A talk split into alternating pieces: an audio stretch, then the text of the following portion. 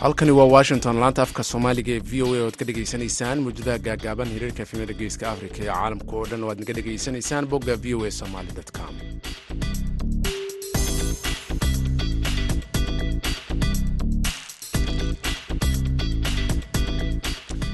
Duur wanaagsan idilkiinba dhegaystayaal meel kastoo aad joogtaan. Waa sabti tobanka bisha julaay sanadka idaacadda duhurnimo ee barnaamijka dhallinyarada maanta waxaa idinla socodsiinaya anigu ah jamaal axmed cismaan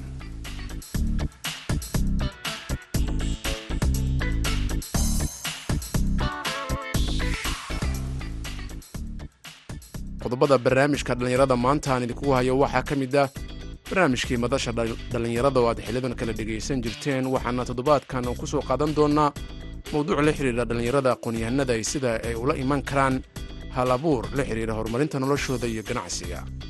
Caafimaadka inuu hal abuur la yimaado waa u fududahay sidoo kale qofka injineerinka barta asagana waa u fududahay la mid dadka qaanuunka iyo sharciga barta asagana waa la mid.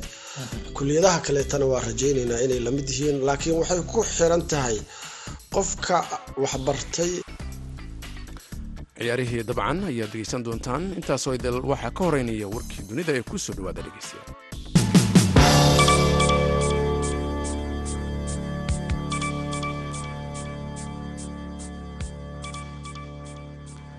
dhimashada gantaalo uu ku garaacay magaalada la yidhaahdo ventizia ee bartamaha dalka ukrain wadankaasi ruushka ee dagaalka halkaasi ka wada ayaa la sheegayaa inay gaartay qof kadib markii qof haweenayhi ay ku dhimatay cisbitaal dhaawacyo soo gaaray darteed sida uu sheegay sarkaal ka tirsan dowladda ukrain ruushka ayaa ku andacoonaya in duqeymaha oo boqolaal kilomitir u jira jiidaha hore ee dagaalka ay la beegsadeen shir ay lahaayeen saraakiisha ciidamada ukrain iyo sida ay dowladda ruushku tiri ajaaniib hub keenaysa dalka ukrain kiev ayaa beenisay sheegashadaasi waxaana ay sheegtay in weerarka lagu dilay saddex caruura. Xogayaha guud ee qaramada midoobey antonio guteres ayaa sheegay inuu aada uga naxay weerarkaasi halka midooda yurubna uu ku tilmaamay weerarkaasi mid waxashnimo ah maraykanka ayaa ka baxay howlgalka kormeerka geedi socodka nabadda ee suudaanta koonfureed kadib markii wasaaradda arrimaha dibadda ee maraykanka ay ku eedeysay in dalkaasi uu ku guuldaraystay inuu la yimaado isbedeladii la doonayay inay sameeyaan. Dalka suudaanta koonfureed ayaa weli waxaa ka tagan xasilooni darro baahsan oo dabadheeraatay xitaa iyadoo ay laba sano ka harsan tahay mudaxileedkii hogaamiyaasha iska soo horjeeda ee kala madaxweynaha dalkaasi silva kir iyo madaxweyne ku-xigeenkiisii reek mashaar kuwaas oo isla qaatay inay soo dhisaan dowlad midnimo qaran oo wadaaga. Colaadaha dalkaasi ka jira ayaa waxaa la sheegay inay ku dhinteen ilaa iyo afar boqol kun oo qof intii u dhexeysay sanadihii ilaa iyo xilliga kala ay ku heshiiyeen hogaamiyaasha iska soo horjeeda ee dalkaasi ayaa laga yaabaa inuu dhammaado bisha februari ee sanadka soo socda hase yeeshee waxaa weli taagan qodob kala gedisan oo muhiim ah oo aan weli la fulinin ay ugu weyn tahay in la diyaaro dastuur joogta oo wadankaasi uu yeesho warkii dunida dhegeystayaal waa nageyntaa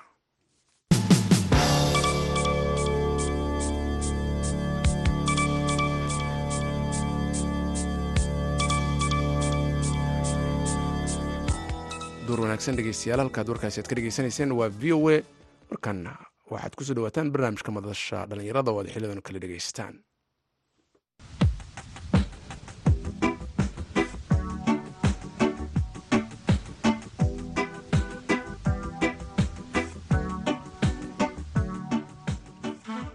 kulanti wacan oo wanaagsan. Khiyaarta nala socota ku soo dhowaada barnaamijkii madasha dhallinyarada. Waxaa idila socodsiinaya anigoo cabdilcasiis barrowa oo jooga magaalada muqdisho.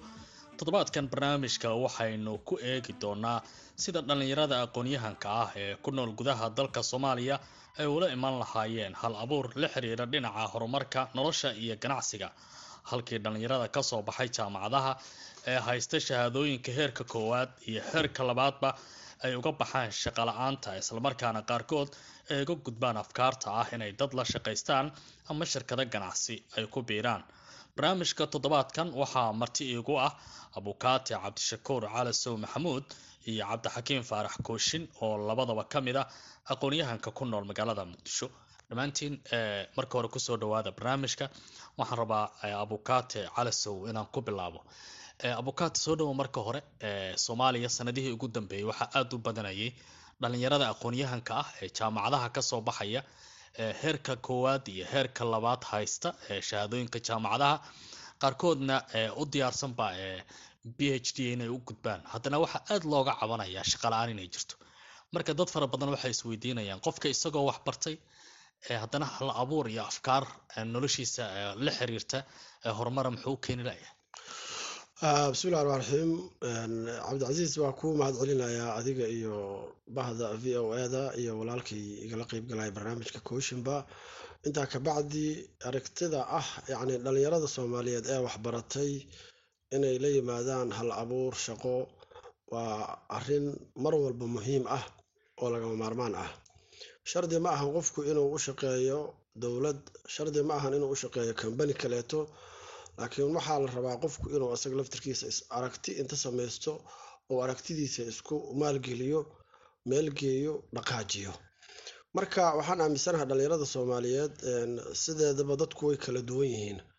Qofna moraal ayuu leeyahay markuu waxbaranayo oo qof hore u socon rabo waaye.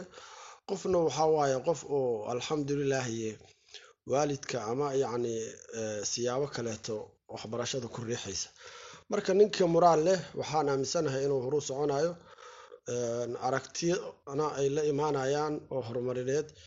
Inkastoo aragtida laftirkeeda ay u baahan tahay baag ab gadaalo. Baag ab waxaan ula jeedaa dalkeena inuu yacni ay yimaadaan hay'ado ama kambaniyaal caalami ah oo maalgelin sameyn kara iyo alxamdulilah iyo aragtidana laga gedi kara laftirkeeda.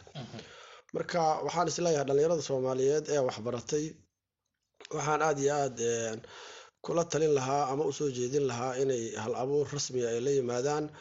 Inkastoo ayaga lafturkooda waxbarashada ay sameeyeen ay kala leedahay qaanado qaanado ay kala horeeyaan sida mathalan qofka barta caafimaadka inuu hal abuur la yimaado waa u fududahay. Sidoo kale qofka engineerinka barta isagana waa u fududahay la mid dadka qaanuunka iyo sharciga barta isagana waa la mid kuliyadaha kaleetana waa rajeyneynaa inay la mid yihiin laakiin waxay ku xiran tahay qofka waxbartay shahaadadii koowaad qaatay tii labaad qaatay ma u diyaarsan yahay inuu hal abuur la yimaado? Waa gartay waa su'aal iyo aragti fiicanaad keentay. Cabdixakiin waad la joogtaa ama waad joogtaa muqdisho oo caadka ama saarna waxaa ka jira qofkii isaga oo dhalinyaro ah oo shahaadadii heerkii labaad ee jaamacadda soo sameeyey mararka qaarna ku dhahaya b h d candidate ayaan ahay. Ayaa haddana shaqalaani haysaa maxaad is leedahay xaggee wax ka qaldan yihiin? Waa mahadsan tahay cabdicasiis. Runtii waxaan is leeyahay numberka dhalinyarada ee wax baratay dalka aad ayuu u badan yahay. Sanad kasta jaamacadaha kala duwan ee dalka waxaa ka soo qalin jibiyo arday aad u fara badan oo runtii dhalinyaro u badan haddana waxaad moodaa qalinjibintooda kadib in fursadihii shaqo iyo hal abuurka uu dalku ku yaryahay waxaan is leeyahay marka number yar oo kooban ayaa shaqo hesho dhalinyaradaas soo qalinjibiso sidoo kalena number kooban ayaa hal abuur la timaado. Hal abuurkana sidiisaba aqoonta keliya ma keento marka hore qofka garaadka leh maskaxda leh firfircoonida lahaa hanka lahaa ayaa runtii mar walba la yimaado. Waxaana is leeyahay hal abuurku qofka fikir ganacsi ama hindiso wuu keeni karaa. Laakiin waxaa jiro tiirar kaabayo hal abuurka oo runtii u noqon kara qofka la yimaada inuu hadafkiisii xaqiijiyo. Tiirarkaas maxaa ka mid ah? Waxaa ka mid ah waalidka. Tusaale qofka gurigu ka soo baxayo waalid ayaa jooga waalid ayaa soo barbaariyay qofka in waalidka marka hore qofkan kobaca maskaxdiisii iyo inuu maaragtay qof tayala noqdo laga soo saaro oo waalidka runtii shaqo badan uu qofkii geliya barbaarintiisii si bulshada qof wax ugu soo kordhiya oo noqdo aqoonta qofka inuu wax barto. Maxaa yeele aqoontu waxay kaabtaa qofku inuu hindise ama hal abuur la yimaado. Sidoo kale dowladda dowladdana iyadana waa dhiiragelyaha ugu weyn. Maxaa yeelay waxaa jirta wasaaradda shaqada iyo arrimaha bulshada oo runtii howsheedu tahay shaqa abuurka dalka iyo runtii dhalinyarada in ay maaragtay waxweyn ay ka tarto laabuurkooda iyo inay ay la yimaadaan hindiso. Specially waxaan is leeyahay dowladda fursad ballaaran ayaa meeshaas ugu jirto. Oo markii dhalinyaradu lagu dhiirageliya hal abuurka shaqa abuurkii ayaa kordhayo hadduu shaqo abuurka kordhana canshuur badan ayaa dowladda u soo xarunaysa oo dakhliga gudaha canshuur ayaa ka imaanayso waa gartay waa su'aalo aragtiyo runtii la isweydiin karo kooshan waxyaabaad soo bandhigta laakiin su'aal kalaa imaanaysa anigoo raba dhinaca abukaata calisow inaan u biiro. Aqoonyahan fara badan oo afrikaana ayaa articles ama qoraallo ay sameeyaan waxa ay ku doodayaan aqoonta africa waa in loo bedelo mid hal abuur horseeda dadku ay noqdaan kuwa hal abuura shaqooyinka raadsada iyaga la yimaada shaqooyinka iyaga naftooda maalgeliyaal u noqda. Mararka qaar marka laga yimaado waaqica nolosha soomaalida ama la eego sida waxbarashadeenu ay tahay. Waxbarashada dhaliil ma loo jeedi karaa oo mala leeyahay qofkii waxa ay baraysaa keliya inuu wax aqriyo inuu wax qoro inuu afkaar iyo aragtiyo siyaasi ah la yimaado ama inuu qaanuun barto. Laakiin qofka inay u diyaarisa inuu isaga hal abuur sameeyo taas waa mid loo baahaya maslada horta runtii waa meel horta waxaan ka qabaa aragtida ah yani dadka inuu qofku inuu wax aqriyo ou yacni buug aqriyo oo buug la baro waa waxa keeni karaa inuu yani qofka aragti horta la yimaado. Oo laftirkeeda dadka jaamicadaha dalka ama dibaddaba yani qofku markuu wax barto lafahelaa laqbahelaa la yihahdaa soomaalida qof aan wax aqoonin horta hal abuur lama imaan karo. Laakiin waxaan ba aaminsanahay alxamdulilahi soomaaliya waxay haysataa nicmad ballaaran oo hal abuur kasta ee ganacsi horumar la sameyn karo. Waxay haysataa bad iyo webi iyo dhul ballaaran oo dhulbeereed ay haysataa. Waxaa is leeyahay marka dhallinyaradeena oo ama dalka dibaddiisa ku soo waxbartay ama gudihiisa ku waxbartay fursadahooda iyo aqoontii ay soo barteen waxay ku sameyn karaan yacni aragti ganacsi oo aada u macno badan. Waxay ka sameyn karaan dhanka badda waxaa ku jira nicmo fara badanaa ku jirta oo yacni ganacsi fiican laga gaari karo. Laakiin badda haddii aan kula sii joogo dhalinyarada baranaya cilmiga badda oo kale iyo waxyaabaha la xiriira aaday u yaryihiin marka loo barbardhigo dhalinyarada siyaasadda iyo qaanuunka iyo baranaya sooma taasuna suuqeedu waa adag yahay? Waa sax laakiin waa dhalinyarada baranaysa cilmiga badda waa yaryahay waa sax oo aada number yar waaye laakiin waxaan ka wadaa isagoo qofku wax bartay ayuu haddana wuxuu ka sameyn karaa hal abuur caadiyu ka sameyn karaa. Hal abuurkaas wuxuu sameyn karaa yacni ama malaayigii ama yacni khayraadkii kaloo ku jiray ayuu barnaamij ka sameyn karaa. Labo sidoo kaleeto geedahan faraha badan ee dalka ku yaalla waxaa laga sameyn karaa laftirkeeda horumarin ganacsiya la sameyn karaa. Dhanka beeraha haddii la aado kaleeto dhanka webigoo kaleeto haddii la aado. Laakiin ganacsiga iyo hal abuurka laftirkeeda keliya haddii laga dhigo dukaan yaroo aad furanaysid ama yacni database aad inta samaysatid aad yacni databasekaas hadaad wadi weysan aad leedahay waa ka tega ama ma dhaqaaqayo laftirkeeda dhalinyaradu waxay ku tahay meeshaas ceeb ay ka keenaysaa. Marka hal midaan anigu aan aada iyo aada u soo dhaweynaha oon oon dowladda boqolkiiba boqol aan ka doonaynaa haddaan nahay dhalinyarada soomaaliyeed. Dhalinyarada soomaaliyeed aragti ganacsi iyo horumar way keensanayaan laakiin dowladda waxaan ka rajaynaynaa dowladda cusub iyo madaxda cusub ee hogaaminaysa inay dalka ku soo kordhiyaan kambaniyaal caalamiya oo internationaala bangiyaal caalamiya haddaba qeybo kamida la bilaabo bangiga masar iyo bangiga turkiga dowladahaas ka socday haddaba la keena. Si bangiyaal caalamiya dalka ay yimaadaan kuwa hadda joogana tayo inay yeeshaan. Si markaasi xataa aragtida ganacsi aragtidu midna dhaqaalay u baahan tahay midna fikri le waayo oo fikira laysku toosina. Marka midda dhaqaale u baahan say develop iyo horumar u helaan waxaan rajaynaynaa dhalinyaradana waxaan leenahay ilaahay idankiisa inay dalkooda iyo gudaha wadanka inay yani ka xamaashaan yani waxaana yani boqolkiiba boqol aan xataa u sheegnaa dhalinyarada war inaad dowlad u shaqaysano shardi ma ahan. Inaad kambani u shaqaysano shardi ma ahan. Hana tahriiban waxaa arkaysaa qariib ila ah aniga oon aad laftirkaygu mararka qaarkood layaaba qof wax la baray oo heer jaamacadeed ah ee haddana dhahayo hooya waa tahriiba ee yani lacag ha laygu bixiyo. Waxaa sax ma ahan. Aniga waxaan aaminsanahay dalkaana wax walba yaalaan fursadu taallaa dowlad keliya ma ahan.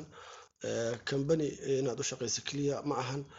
Isku horumar iyo isku filnaan waa la gaari karaa alxamdulilah haddaan go'aan qaadano. Ilahay idankiisana waana gaaraynaa biidnillah waa gartay soomaaliya cabdi xakeen dhul ballaaran ay leedahay kheyraad badana ku jira. Sida abukaata calasow uu dooda ku soo daray. Badda ugu dheer qaaradda afrika ayaa ama dalalka ee marta ayaa ku taala haddana dadka ka faa'iideysanaya aaday u yaryihiin ma waxaa qaldan oo wax fahmila dhalinyaradii waxbarata inay halkaas u jihaystaan oo wax laga soo saaro mase caqabado kale oo ka hortaagan oo u baahan in la xaliyo oo ay dowladda tallaabo u qaado ayaa jirta si xaddiga shaqala-aanta ee ballaaran ee dalka jirta hoos loogu dhigo. Waa mahadsan tahay waxaan is leeyahay laba caqabad ayaa jirto oo runtii aada uga qeyb qaadan lahayd wax soo saarka dalka iyo hal abuurkaba inuu kabco ta koowaad waxaan is leeyahay aqoonta dhalinyarada ay jaamacadaha ka baranayaan runtii midda hal abuurka ku soo kordhinayso oo maskaxdooda aada u furi karto oo fursada dalka ka jirto iyo khayraadka dihan ee dalka sidii loo soo saari lahaa ka qayb qaadan karto aad ayay u yartahay oo maadooyin kooban ayaa runtii jaamacadaha lagu dhigaa.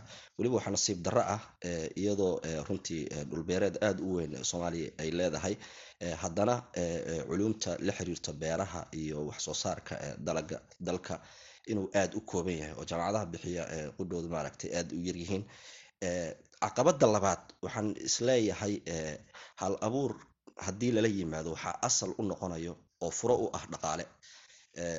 Qofka dhalinyarada fikir ganacsi uu keeni karaa. Haddana waxaa sii daba yaalla cidda u maalgelinaysa yay tahay. Fikirkaas yaa u maalgelinayo.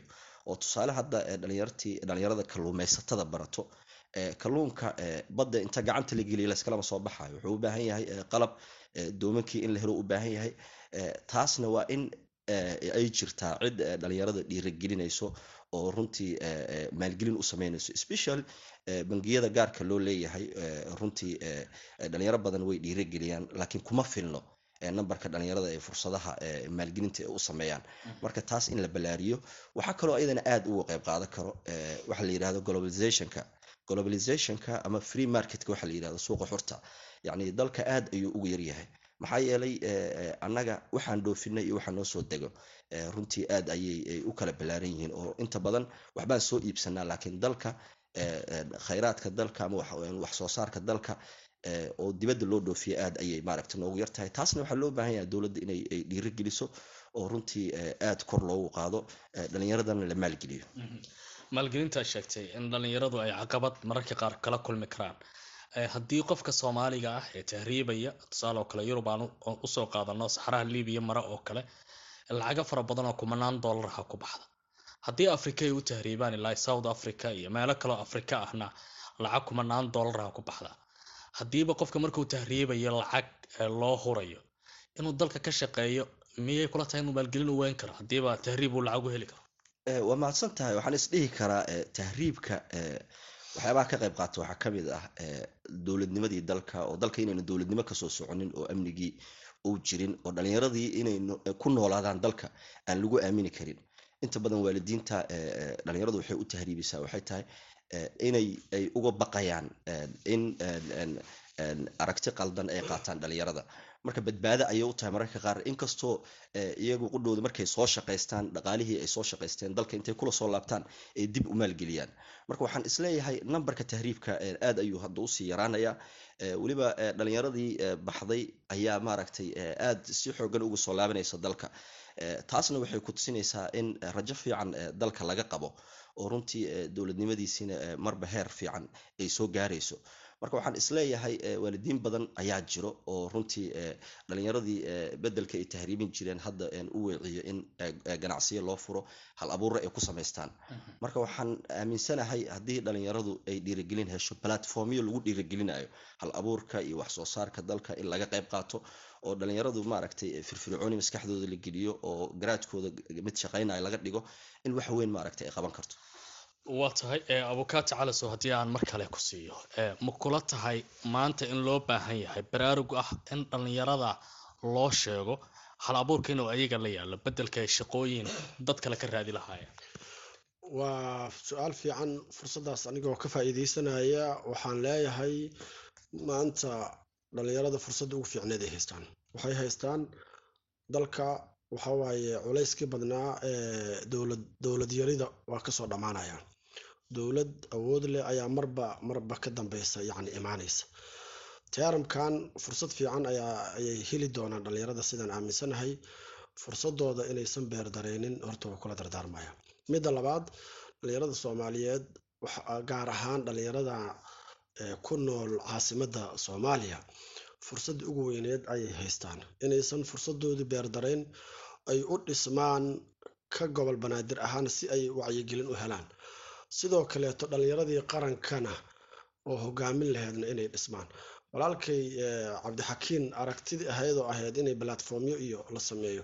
Waxay ka imaan kartaa yacni organisationkii hogaankii dhalinyarada soomaaliyeed oo si saxa sharci ah xeerarkiisa u dhammaystiran yihiin inay dhismaan aan ahayn wax mashruuc ah oo mashruuc lagu raadsanayo.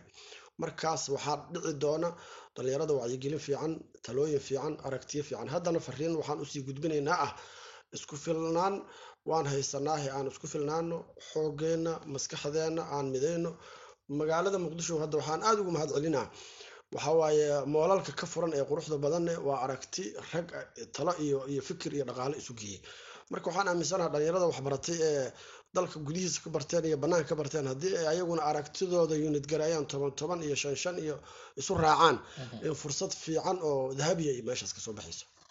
Aad ayaad umahadsan tihiin abukaati cabdishakuur calasow maxamuud iyo cabdixakiim faarax kooshin oo labadaba ka mid ah aqoon-yahanka dhallinyarada ah ee ku nool magaalada muqdisho. Khiyaarta ee nala socotaay intaas ayaan ku soo afmeerayaa barnaamijkii madasha dhallinyarada waan idila socodsiinaya anigoo cabdilcasiis barrow ah. Toddobaadkana aan ku soo qaadanay sida dhallinyarada waxbartay ee ku nool gudaha dalka ay ula imaan lahaayeen afgaar ganacsi iyo hal abuuro nolosha lagu horumarinayo beddelkii ay goobo kale iyo dad kale u shaqayn lahaayeen. Tan iyo kulanti dambe barnaamijkan mid lamida intii aynu isku arki doonno waxaan idin leenahay nabadgelyo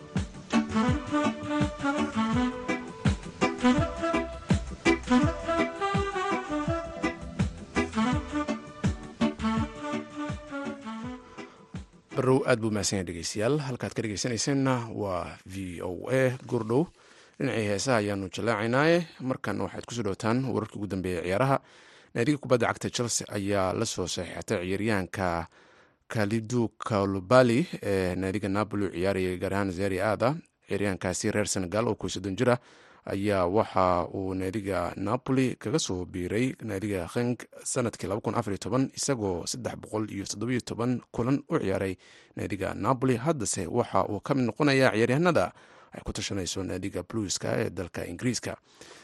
Sidoo kale dhegeystayaal naadiga kubadda cagta ee manchester united ayaa waxay heshiis la gaartay ciyaaryahanka lisandro martinez oo naadiga ix amsterdam u ciyaara waxaana heshiiskaasi ku kacaya lacag gaaraysa afartan iyo milyan oo pound manchester united ayaa ciyaaryahankaasi reer argentin ee daafacaya lisandro martinez oo markaasi oo afar labaatan jir dooneysa in ay ka mid dhigto ciyaaryahanada ay ku tashanayso xilli ciyaareedka soo socda.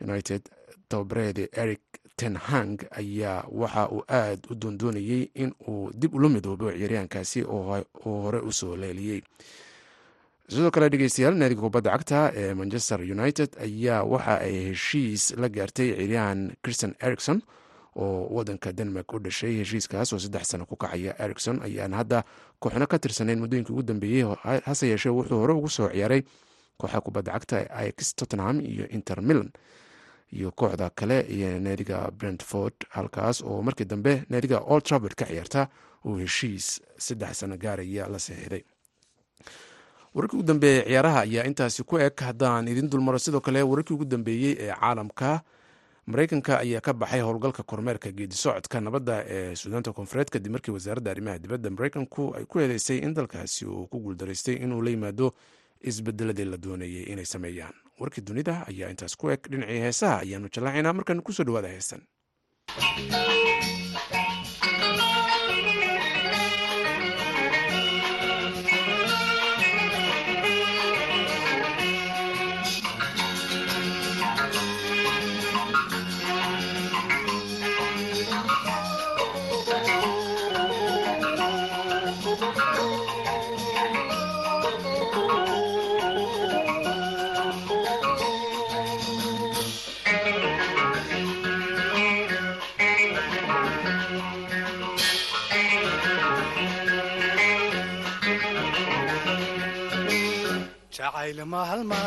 aabbaha ma hagaajin karo jacayl ma halmaami karo aabbaha ma hagaajin karo adduuna aanan heli karayn ayuu ku hawuunayaa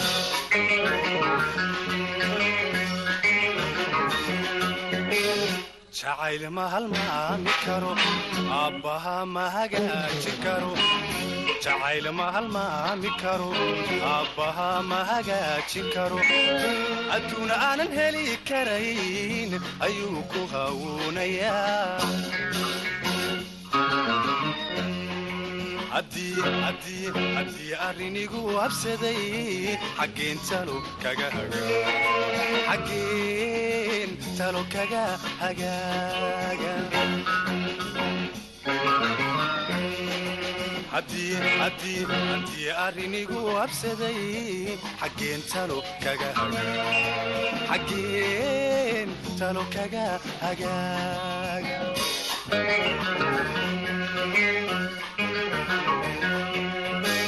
hadal waalid ma diiri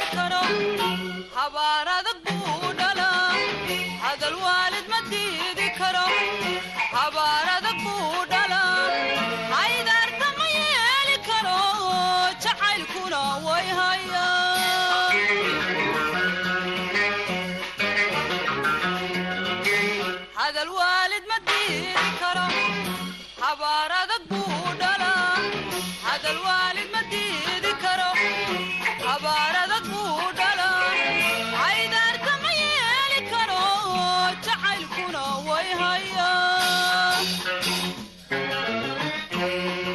haddii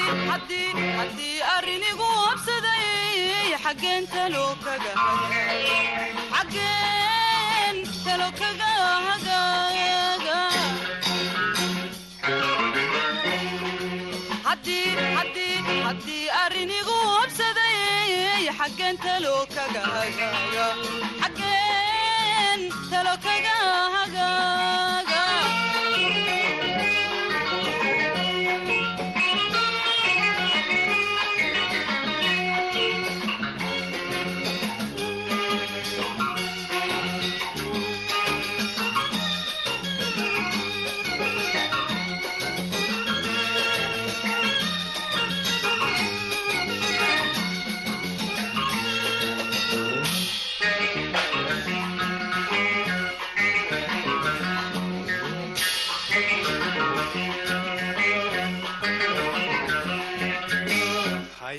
hayraarta jacaylka iyo haddaan hawl deris lanahay hayraarta jacaylka iyo haddaan hawl deris lanahay aasaynaan heli karayn waxay ku hagaagilayn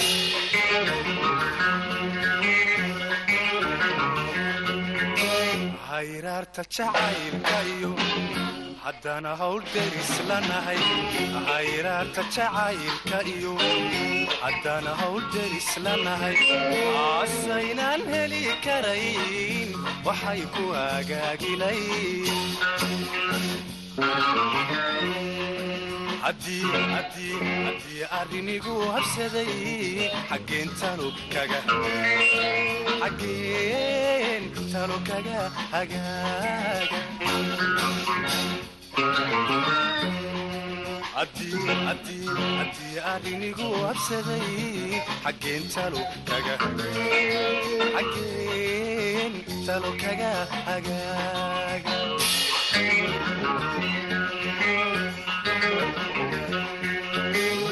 hamada beenay abbahu waxba mahadradeen hamadan beenay waa tahay heesaasi waxay gabagabo ahayd idaacaddeenii duhurnimo ee barnaamijka dhallinyarada. Maanta dhegaystayaal tan iyo afarta galabnimo waxaan kaga tegayaa nabadgelyo